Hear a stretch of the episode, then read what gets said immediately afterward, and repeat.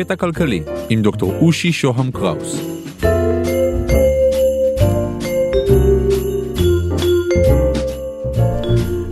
קטע כלכלי, פרק 66, גלובליזציה, אז מה קורה למדינה?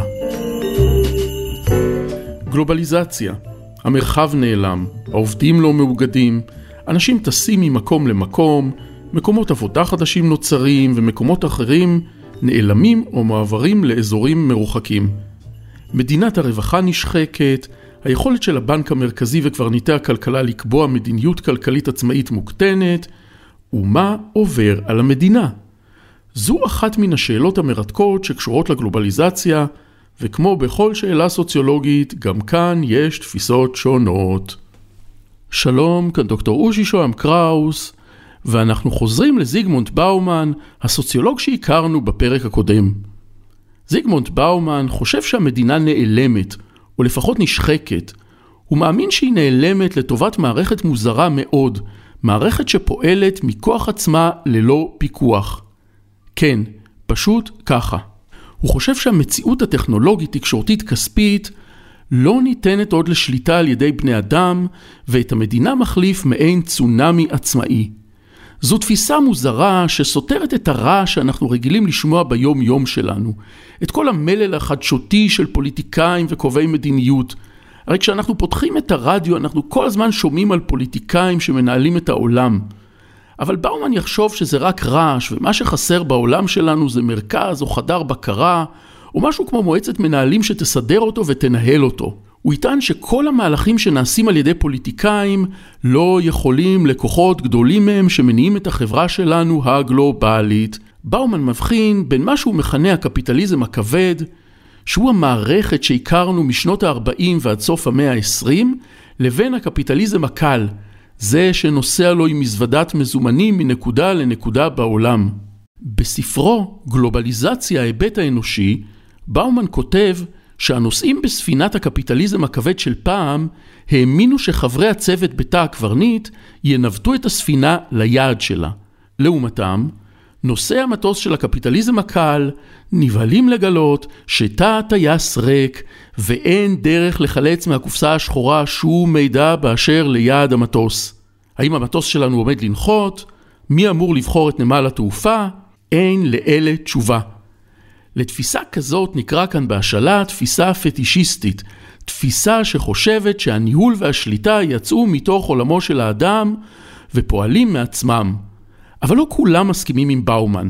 סוציולוג שמחזיק בעמדה אחרת הוא החוקר המרקסיסטי יליד 1945, לאו פאניץ', שמלמד באוניברסיטת יורק בטורונטו בקנדה. פאניץ' חושב שהמדינה דווקא משתפת פעולה עם תהליך הגלובליזציה. אמנם היא משתנה, אבל היא עדיין שחקן משמעותי ואפילו תנאי הכרחי לקיומה של הגלובליזציה. התפיסה הזאת היא תפיסה מיוחדת ושונה ממה שמקובל להגיד. נדגיש שוב, רוב האנשים שיש להם מה להגיד בקשר לתהליכים כלכליים גלובליים יגידו משהו כמו זה. זה ברור שהמדינה נשחקת בכוחה והיא בסכנת היעלמות או מיסוס בעקבות תהליכי גלובליזציה. אבל פאניץ' חושב אחרת. לא רק שהמדינה לא נעלמת, הוא כותב, היא אפילו זאת שיוזמת את תהליך הגלובליזציה.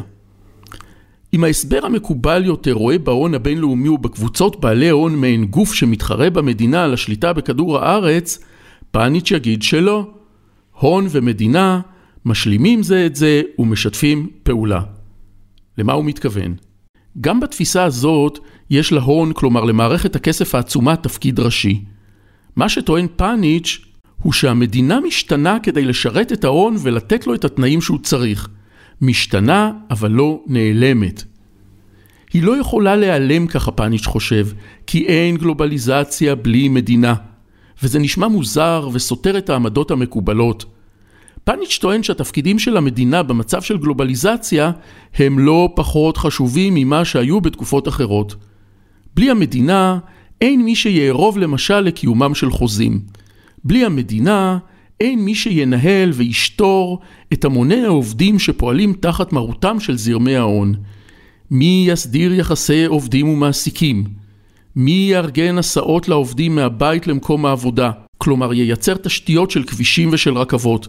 מי יכלה פורעי חוק, ישפוט, ישלם לעובדים ויארגן את כל המערכת. ולא רק אלה, המדינה המודרנית היא גם הגוף שמגדיר את המטבעות המקומיים, מהו דולר בלי ממשלת ארצות הברית, ומי קובע את המידות ואת הסטנדרטים השונים. את כל אלה עושה המדינה. לפי פאניץ', אין הנהלה אחרת שתאפשר את תהליך הגלובליזציה. ואיך זה פועל?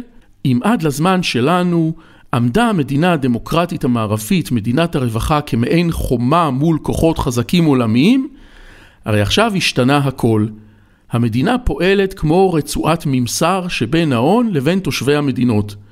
במקום לעמוד כמו חומה ולשמור על האזרחים מפני כוחות חיצוניים, היא מארגנת את המערכת האזרחית לטובת מערכת ההון. ומי שולט בכל המערכת הזאת? גם כאן הדעות חלוקות. אנשים כמו באומן, שנחשבים סוציולוגים במרכאות פוסט-מודרניים, יגידו שאני שולט כאן גולם, כלומר גל אדיר ללא שליטה. ואילו סוציולוגים מרקסיסטים, דוגמת פאניץ', יגידו שאולי בעלי ההון בשיתוף עם פוליטיקאים שולטים במערכות האלה ביחד לטובת האינטרסים המשותפים שלהם. המרקסיסטים יגידו לפוסט-מודרניים שהתפיסה שלהם של מערכת שפועלת באופן עצמאי ללא שום שליטה היא תבוסתנית, פסימית, ומסירה את כל האחריות מבני האדם לשינוי המצב. כי הרי הספינה שלנו שטה לה ללא כל כיוון וללא כל ניהול כמו שבאומן אומר. לעומתם, הפוסט-מודרנים יגידו למרקסיסטים שהם פרנואידים, שבכל מקום הם רואים קנוניה של אנשי עסקים חלקלקים ששודדים את העולם. הם יגידו שהמרקסיסטים פשוט לא מסוגלים לראות את העולם בצורה מעודכנת ונשענים על תפיסות ישנות ולא רלוונטיות. אז מי צודק? ומה קורה למדינה בזמן הגלובליזציה? לשיקולכם. ניפגש בפרקים הבאים, תוכלו להשיג אותי ב-050-8898-322, וואטסאפ בבקשה, או לקרוא לי בלינקדאין שלי דוקטור אושי שוהם קראוס באנגלית. תודה לקווין מקלוד על המוזיקה, להתראות.